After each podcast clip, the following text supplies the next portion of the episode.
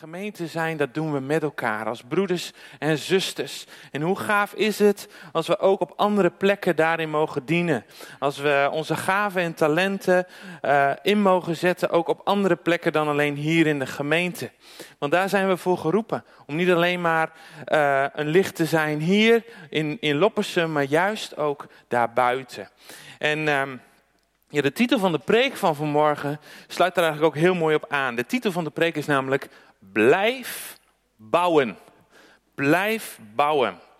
En vorige week had ik het over um, de torenbouw van Babel en hoe belangrijk het is dat je niet je eigen bouwwerk bouwt, maar dat je Gods bouwwerk bouwt. Dat je zijn koninkrijk bouwt. En daar wil ik vandaag op door, want het is niet alleen maar belangrijk om te zien wat je bouwt, maar het is ook belangrijk om te weten hoe je bouwt. En daarom wil ik met u lezen een vrij lang hoofdstuk. Het is hoofdstuk 39, Genesis 39. En um, ja, eigenlijk ga ik het hebben over twee hoofdstukken vanmorgen. Alleen, ja, dat is gewoon dat wordt te lang als ik dat allemaal ga voorlezen hier. Dan ben ik alleen al de tijd kwijt aan uh, voorlezen. Dus dat is niet praktisch. Maar ik wil jullie wel aanmoedigen om het thuis nog even door te lezen. Het gaat namelijk over Genesis 38 en Genesis 39 vanmorgen. Nou, als je je Bijbel bij je hebt, dan mag je hem opslaan op Genesis 39. En ik lees hem uit de herziene statenvertaling, de HSV. En u kent het misschien, het is het verhaal van Jozef en Potifar. Jozef was dus naar Egypte gebracht. Potifar, hoveling van de farao, het hoofd van de lijfwacht, een Egyptische man, kocht hem uit de hand van de Ismaëlieten, die hem daarheen gebracht hadden. De Heere was met Jozef, zodat hij een voorspoedig man was. En hij bleef in het huis van zijn heer, de Egyptenaar. En toen zijn heer zag dat de Heer met hem was, en dat de Heer alles deed, alles wat hij deed, door zijn hand voorspoedig deed verlopen, vond Jozef genade in zijn ogen en mocht hem bedienen. Potifar stelde hem aan over zijn huis en alles wat hij had, gaf hij in zijn hand. En het gebeurde vanaf het moment dat hij hem over zijn huis en alles wat hij had aangesteld, dat de Heer het huis van de Egyptenaar omwille van Jozef zegende. Ja, de zegen van de Heere rustte op alles wat hij bezat, zowel in het huis als op het land. Hij liet alles wat hij bezat in de hand van Jozef, zodat hij met hem naast zich nergens anders meer kennis van nam dan van het brood dat hij at. Jozef nu was mooi van gestalte en knap om te zien. En het gebeurde na deze dingen dat de vrouw van zijn heer haar oog op Jozef liet vallen en zei: Slaap met mij. Maar hij weigerde. En hij zei tegen de vrouw van zijn heer, zie, mijn heer neemt met mij naast zich geen kennis meer van wat er in dit huis gebeurt. En alles wat hij heeft, heeft hij in mijn hand gegeven. Niemand heeft meer aanzien in dit huis dan ik. En hij heeft mij niets onthouden dan alleen u, omdat u zijn vrouw bent. Hoe zou ik dan dit grote kwaad kunnen doen en zondigen tegen God? En het gebeurde toen zij Jozef dag in, dag uit aansprak en hij niet luisterde om met haar te slapen en bij haar te zijn, dat het op een zekere dag gebeurde, toen hij het huis binnenkwam om zijn werk te doen en niemand van de mensen van het huis daar in huis was, dat zij hem bij zijn kleed pakte en zei, slaap met me. Maar hij liet zijn kleed in haar hand achter vluchtte en ging naar buiten. En het gebeurde toen zij zag dat hij zijn kleed in haar hand achtergelaten had en naar buiten gevlucht was, dat zij de mensen van haar huis riep en tegen hen zei: Zie, hij heeft een Hebreeuwse man bij ons in huis gebracht om de spot met ons te drijven. Hij is naar mij toegekomen om met me te slapen, maar ik heb hem met luide, ik heb met luide stem geroepen. En het gebeurde toen hij hoorde dat ik luid begon te roepen, dat hij zijn kleed bij mij achterliet, vluchtte en naar buiten ging. Hij liet zijn kleed bij zich liggen tot, hij, tot zijn heer thuis kwam en sprak tot hem met dezelfde woorden. De Hebreeuwse slaaf die je bij, bij ons in huis gebracht hebt, is bij mij gekomen om de spot met mij te drijven. En het gebeurde toen ik luid begon te roepen dat hij zijn kleed bij mij achterliet en naar buiten vluchtte. En het gebeurde toen zijn heer de woorden hoorde die zijn vrouw tot hem sprak. Zoals ik het zeg, heeft jouw slaaf met mij gedaan, dat hij in woede ontstak. En de heer van Jozef greep hem en leverde over hem over in de gevangenis, de plaats waar de gevangenen van de koning gevangen zaten. Zo zat hij daar in de gevangenis, maar de Heere was met Jozef. En bewees hem zijn goede tierenheid. Hij gaf hem genade in de ogen van het hoofd van de gevangenis. En het hoofd van de gevangenis gaf al de gevangenen die in de gevangenis waren in de hand van Jozef. Al het werk dat men daar deed, deed hij. Het hoofd van de gevangenis zag naar geen enkel ding meer om van wat in zijn hand was, omdat de Heere met hem was. Alles wat hij deed, liet de Heere voorspoedig verlopen. Nou, wat een hoofdstuk als je dit zo even leest. je kan zeggen het is veel tekst, maar er gebeurt heel veel in eigenlijk een hele korte, ja, een heel kort Bijbelgedeelte. En zoals ik net al zei, vorige week heb ik de vraag gesteld: wat ben je aan het bouwen? Vandaag stel ik de vraag: hoe ben je aan het bouwen? Want het is namelijk belangrijk dat als je bouwt, dat het bouwwerk wat je bouwt ook op de juiste manier gebouwd wordt. Zodat het bouwwerk ook overeind blijft staan. Als, je, ja, als er dingen op je pad komen. En ja, de vraag die ik eigenlijk heb vanmorgen, zijn er ook bouwers in de zaal vanmorgen? Mensen die werkzaam zijn in de bouw? Nee. Wel gedaan? Oké, ja, lang geleden. Oké, heel goed. Nou, wat is het belangrijkste voordat je bouwt?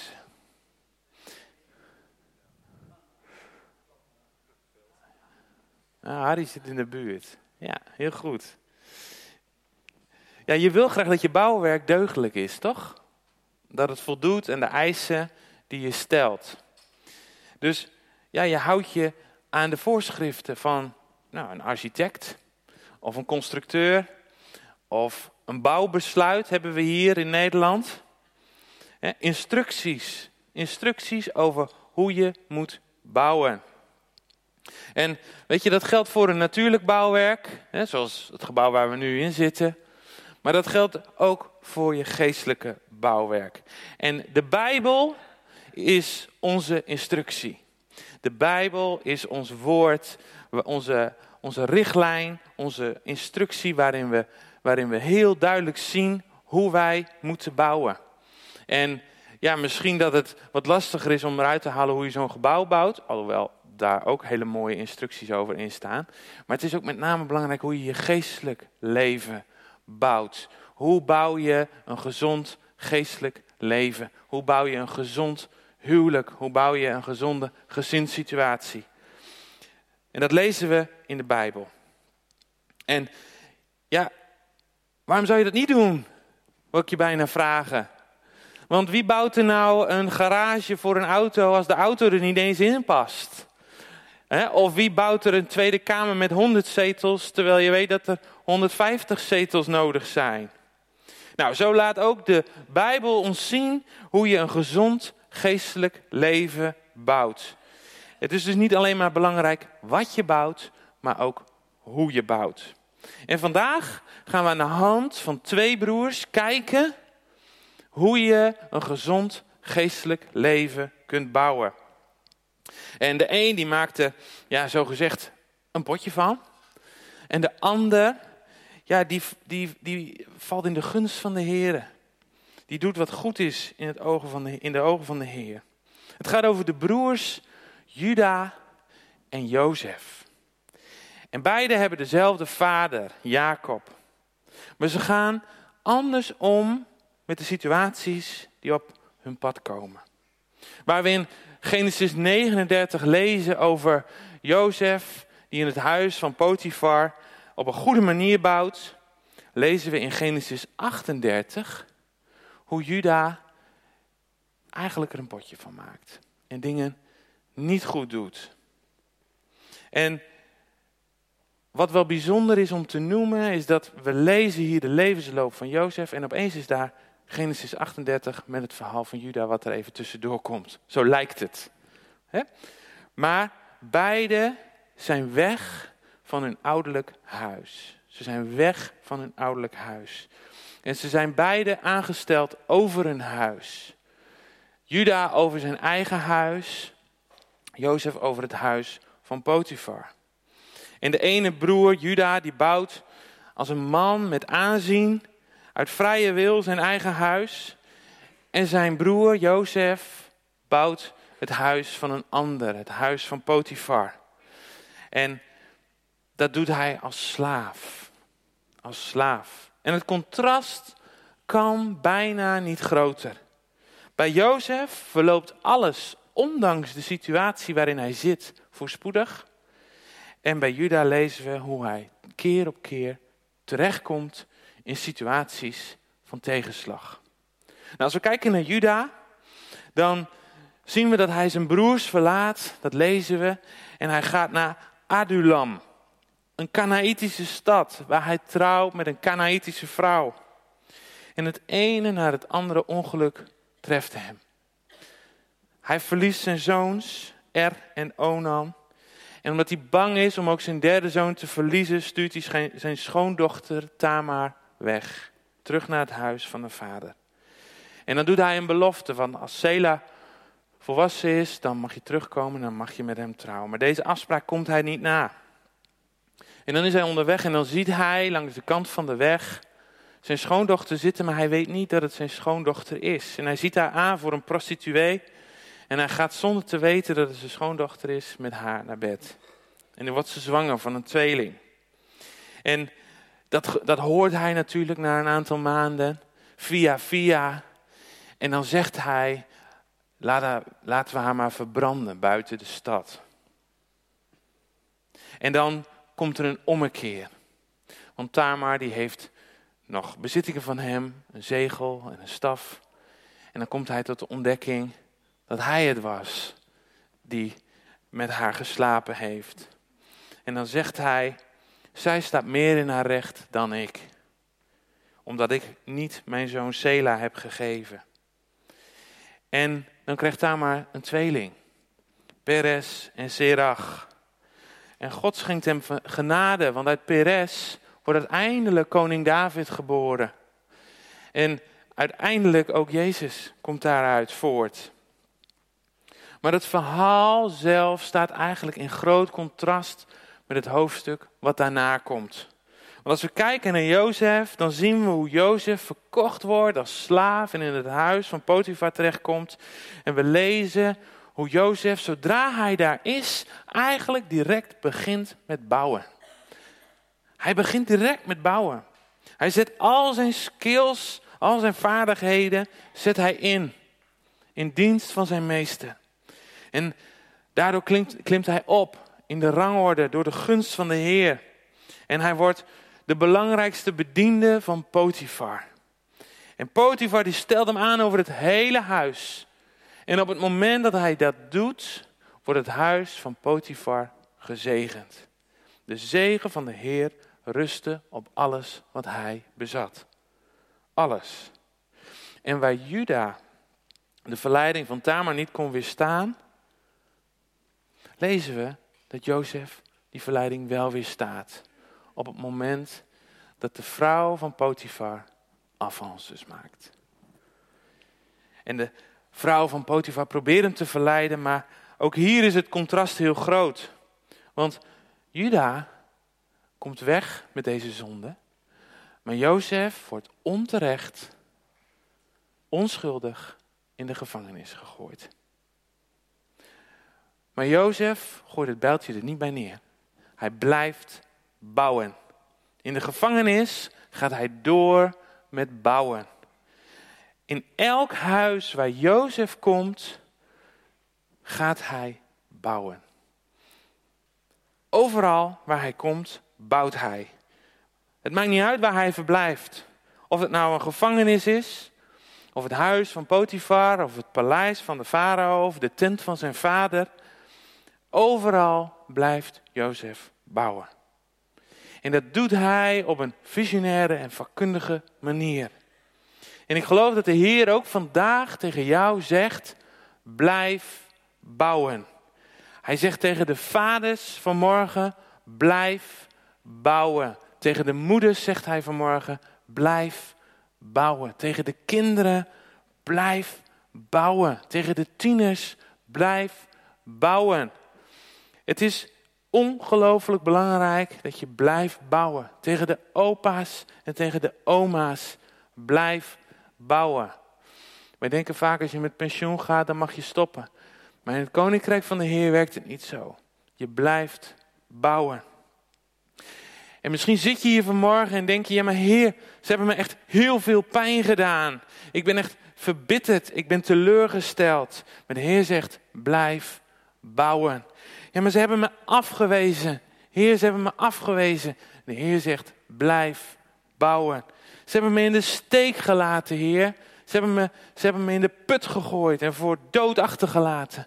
Maar de Heer zegt vanmorgen, blijf bouwen. Stoppen met bouwen is geen optie. Maar weet dat de Heer bij je is, waar je ook doorheen gaat. Waar je ook doorheen gaat, de Heer is bij je. Want weet je, de wereld zit te wachten op jou, op u, op mij. We lezen dit in Romeinen 8, waar staat met rijkhals het verlangen, verwacht de schepping het openbaar worden van de kinderen van God. De Heer zit te, wachten, zit te wachten totdat jij opstaat om de wereld in te gaan en te gaan bouwen. Te gaan bouwen. Je bent zijn kind en God wil dat je blijft bouwen. Hoe vaak heb ik het woordje bouwen nu gezegd? Is het duidelijk? Blijf bouwen. Zorg dat de schepping je gaat zien. Dat je zichtbaar wordt. En dan heb je natuurlijk de vraag, hoe dan? Hoe dan? Hoe moet je dan bouwen? Nou, het verhaal van Jozef geeft ons drie hele prachtige sleutels. En de eerste sleutel is de sleutel dromen. Dromen. God gaf Jozef dromen. Hele specifieke dromen. En bij Jozef waren ze zo specifiek dat ik denk van ja, was het wel handig dat hij het allemaal al zo aan anderen vertelde. Want zijn broers die werden er wat chagrijnig van en, en, en zijn vader werd er chagrijnig van. En omdat het, weet je, soms geeft God jou dromen die andere mensen nog niet kunnen pakken. Omdat ze gewoon voor mensen te lastig zijn om ze te pakken. Maar God geeft jou dromen. En bij dromen is Gods timing super belangrijk. Super belangrijk. God geeft jou ook dromen. Wie heeft er dromen gehad van God? Wie heeft er, wie durft het? Ik zal het niet naar vragen. Ja, hartstikke goed. Ja, mooi. En weet je, dat kunnen dromen zijn die je s'nachts krijgt, maar dat kunnen ook beelden zijn, of visioenen, of indrukken, of gedachten van de Heer. En de Heilige Geest, die gaat stoplichtjes op groen zetten, zodra het de juiste tijd is. Maar hij kondigt het aan. Hij kondigt het aan door middel van dromen. Maar zoals bij Jozef kan het zijn dat jij denkt dat je een stap terug doet. Je denkt, nu word ik in de gevangenis gegooid. Nou, ik hoop niet dat je in het echt natuurlijk in de gevangenis gegooid wordt. Maar dat je het gevoel hebt, ik moet een stap terug doen. Geestelijk gezien, of misschien in je werk, of in je huwelijk. Maar met God erbij zorgt Hij ervoor dat je op de plek moet zijn waar je moet zijn. Dus dromen is super belangrijk. Het is belangrijk dat je die dromen, die beelden, die indrukken, dat je ze bewaart in je hart. Dat je ze misschien voor jezelf opschrijft. Dat je, dat je misschien moet je een boekje kopen wat je, waar je ze in, in opschrijft. Of misschien moet je ze opnemen op je telefoon. Gewoon omdat het belangrijk is dat je er naar terug kunt grijpen op de momenten dat het nodig is. En de tweede sleutel, dat is de sleutel drijfveren. Ook wel passies. Wat drijft jou om die dromen waar te maken? Jozef had een verlangen om God te behagen. Om God te behagen. En in alles wat hij deed, hield hij dat voor. Hij wilde niet zondigen tegen God, maar hij wilde doen wat God van hem vroeg. En het was uitzonderlijk, hij was uitzonderlijk goed in wat hij deed. En wat hij deed, dat deed hij voor de Heer. Doe jij wat je doet voor de Heer?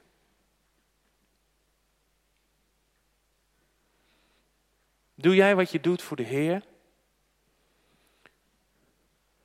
Of doe je het voor je eigen koninkrijk? Voor je eigen gewin? Voor je eigen carrière? Wat komt er op de eerste plek? En geloof mij, als je God op de eerste plek in je leven zet, kom je zelf nooit op de tweede. Want dat is zoals God werkt. God is een liefdevolle vader. En ik hoef geen winst als God niet wint. Ik hoef geen winst als God niet wint. Ik hoef geen werk zonder God. Ik hoef geen huis als God daar niet woont. Ik zet God op de eerste plek in mijn leven. Dat is mijn drijfveer, dat is mijn passie. Dat is waar ik voor wil gaan. Dit is 100% waar ik voor wil gaan. U ook? Yes. En de derde sleutel is de sleutel dienen. Dienen. Jozef was letterlijk een slaaf. Letterlijk een slaaf. Hij was een dienaar. Dat was de positie die hij had. Dat was de positie die hij had. En of hij nu een slaaf, of een meester, of een gevangene, of een onderkoning was, in elke positie was hij een dienaar. Hij was overal waar hij kwam, of hij nou een kroon op zijn hoofd had, of handboeien om. Hij was een dienaar. Hij was een dienaar in elke positie. En hij was vastberaden om te dienen waar hij maar kon. En in elke situatie stond hij klaar voor een ander. En hij werd verraden. En hij werd vergeten. En hij werd veroordeeld. Maar hij bleef dienen. Hij bleef dienen. Hoe lang nog, Heer? Hoe lang nog? Blijf dienen. Blijf dienen. En Jezus zegt, wat je voor anderen doet, dat doe je voor mij. Wat je voor anderen doet, dat doe je aan mij. Dat zegt Jezus. En een ander dienen brengt vreugde. Waarom? Omdat je geeft. En Jezus zegt, wie geeft, zal ontvangen. Maar Heer, hoe lang moet ik mezelf nog wegcijferen? Jezus zegt, weet dat de eerste de laatste zullen zijn. Wie het belangrijkste wil zijn, moet bereid zijn om de minste te zijn. En dat zijn drie prachtige sleutels die we hier uit het verhaal van Jozef halen. En die ons elke dag weer helpen om een leven te bouwen zoals God het bedoeld heeft. En naast het verhaal van Jozef, waar we deze prachtige sleutels kunnen uithalen, is er nog een persoon. En hij is ons ultieme voorbeeld. De persoon Jezus, waarvan Jozef eigenlijk maar een schaduw is. En Jezus die blonk uit in alle drie. Want ook hij had een droom, ook hij had een drijfveer. En ook hij was een dienaar. En wat was zijn droom? Het redden van de wereld. Het redden van jou en mij. Zijn drijfveer, onvoorwaardelijke liefde. Onvoorwaardelijke liefde voor jou en mij. U en ik. En hij bleef bouwen. Ondanks de pijn, ondanks de afwijzing, bleef hij bouwen. Hij ging de weg die wij eigenlijk moesten gaan. Hij is het begin en het einde. In Hem is alles volbracht. Hij houdt alles bij elkaar. En hij werd geboren uit het geslacht van Juda, die er een potje van had gemaakt. En zo schenkt hij ook jou Die onvoorwaardelijke genade voor niets. Voor niets. Weet je, en ik heb het gewoon heel sterk op mijn hart om koning Jezus gewoon een applaus te geven vanmorgen. Om, om hem, om zijn naam groot te maken. Zullen we dat gewoon even, zullen we dat doen? Gewoon even. Koning Jezus. Hij is onze koning.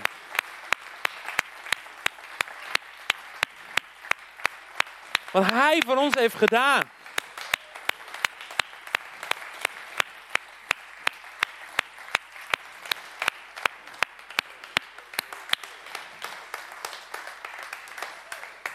Weet je, hij is onze rots, hij is onze redder, hij is onze Heer. En de koning der koningen, die koning, koning Jezus, die heeft jou bekleed met majesteit. Hij heeft jou bekleed met zijn autoriteit. Hij heeft jou die sleutels gegeven die Jozef ook toepaste in zijn leven. Die sleutels heb jij ook gekregen om ze toe te passen in jouw leven, in jouw gezin, in jouw huwelijk in je bedrijf, op je werk, waar je maar komt. Hoe bijzonder is dat? Dat je zo, zo'n rijkdom hebt ontvangen. En dan denk je, ja, wat heeft dan zo'n volle bankrekening dan nog voor zin? Als je die sleutels hebt gekregen van koning Jezus. Weet je, en misschien zit je nu hier vanmorgen, of misschien kijk je. En denk je van, ja, maar die dromen, Chris, ik heb ze al lang weggestopt, joh. Ik, ik had ze ooit, lang geleden, maar ik heb ze niet meer. Ik geloof dat God vanmorgen tegen jou zegt: blaas het stof eraf. Blaas het stof eraf. Want die dromen, weet je, bij Jozef was het ook niet van de een op andere dag. Er ging ook een proces vooraf. En ik geloof dat God vanmorgen tegen jou zegt: blaas het stof eraf. Blaas het stof eraf. Weet je, de Heilige Geest is vandaag hier. En hij wil niets liever dan dat je het stof van die dromen afblaast. En dat is ook mijn gebed. Dat we de Heilige Geest de ruimte geven om, om die dromen weer naar boven te laten halen. Om die dromen weer aan te wakkeren. En we komen uit een tijd waarin je, nou ja, het werd vanochtend ook al een beetje gezegd. Er komt gewoon heel veel op je af. En dan kun je heel makkelijk zetten, ja, maar ik sta nu even in de, in de, in de noodstand of zo. Dus ik, ik kan even nu niet zoveel hebben. En, en ik, ik heb genoeg even aan mezelf en aan, aan de dingen die ik moet doen. Maar God, God wil ruimte geven. De geest van God wil ruimte geven. Wil nieuwe ruimte geven. En hij vraagt aan ons vanmorgen, ben je bereid om die ruimte in te nemen? Of vind je het eigenlijk nog wel even fijn om in die, ja, noem het coronabubbel, ik vind het altijd een beetje een lastig woord. Maar ben je bereid om die ruimte in te nemen en God uit te nodigen in jouw situatie en te zeggen, Heer, wat is uw perspectief? ik hoor heel veel het wereldse perspectief als ik het nieuws lees. En ik hoor heel veel mijn eigen perspectief of de mensen om me heen. Maar Heer, wat is uw perspectief van morgen? En, en kan, kan, ik, kan ik dat perspectief van u ontvangen? Kan ik dat perspectief van u ontvangen van morgen? En kan ik met dat perspectief ook aan de gang, aan de slag? Kan ik die ruimte ook echt innemen? En ik geloof dat de Heer vanmorgen zegt, ja dat kan. Ja, dat kan. Je kan die ruimte innemen. Je kan, die, je kan het perspectief van God vanmorgen ontvangen. En als je dat wil, als je dat perspectief van God wil ontvangen over jouw leven, over jouw situatie, over je bedrijf, over je huwelijk, over je gezin, dan wil ik je gewoon vragen om even een moment je ogen te sluiten. En dan gaan we de Heilige Geest vragen om op dit moment te komen. Heilige Geest, u bent welkom. U bent welkom. U bent welkom in al die gezinnen. U bent welkom in de gezinnen, in de ouders, in de vaders en de moeders, in de levens van de vaders en de moeders die nu kijken, die nu hier zijn vanmorgen. Heer, en we weten ons soms geen raad met, met alles wat er op ons afkomt, maar Heer, u weet het wel. En Heilige Geest, zo wil ik u op dit moment ook uitnodigen om uw perspectief, om uw perspectief te geven voor de situatie van vandaag. Om uw licht te laten schijnen op de situatie van vandaag. om uw dromen te geven voor de situatie van vandaag. En Heilige Geest, we willen u uitnodigen om het niet alleen te geven voor vandaag, maar om het ook te geven voor morgen. En overmorgen. En volgende week. En volgende maand. Heilige Geest, we willen u alle ruimte geven om te bewegen in ons leven op dit moment. Kushakaradabasikiradabashakarada. Kuradabasikiradaday.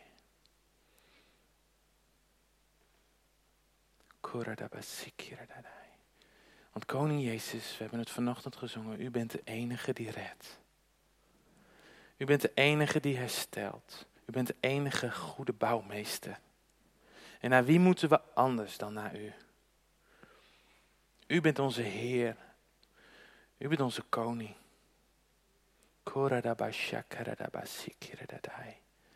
Ja, Heilige Geest. Dank u wel. Dank u wel. Yes. In Jezus' naam. Amen.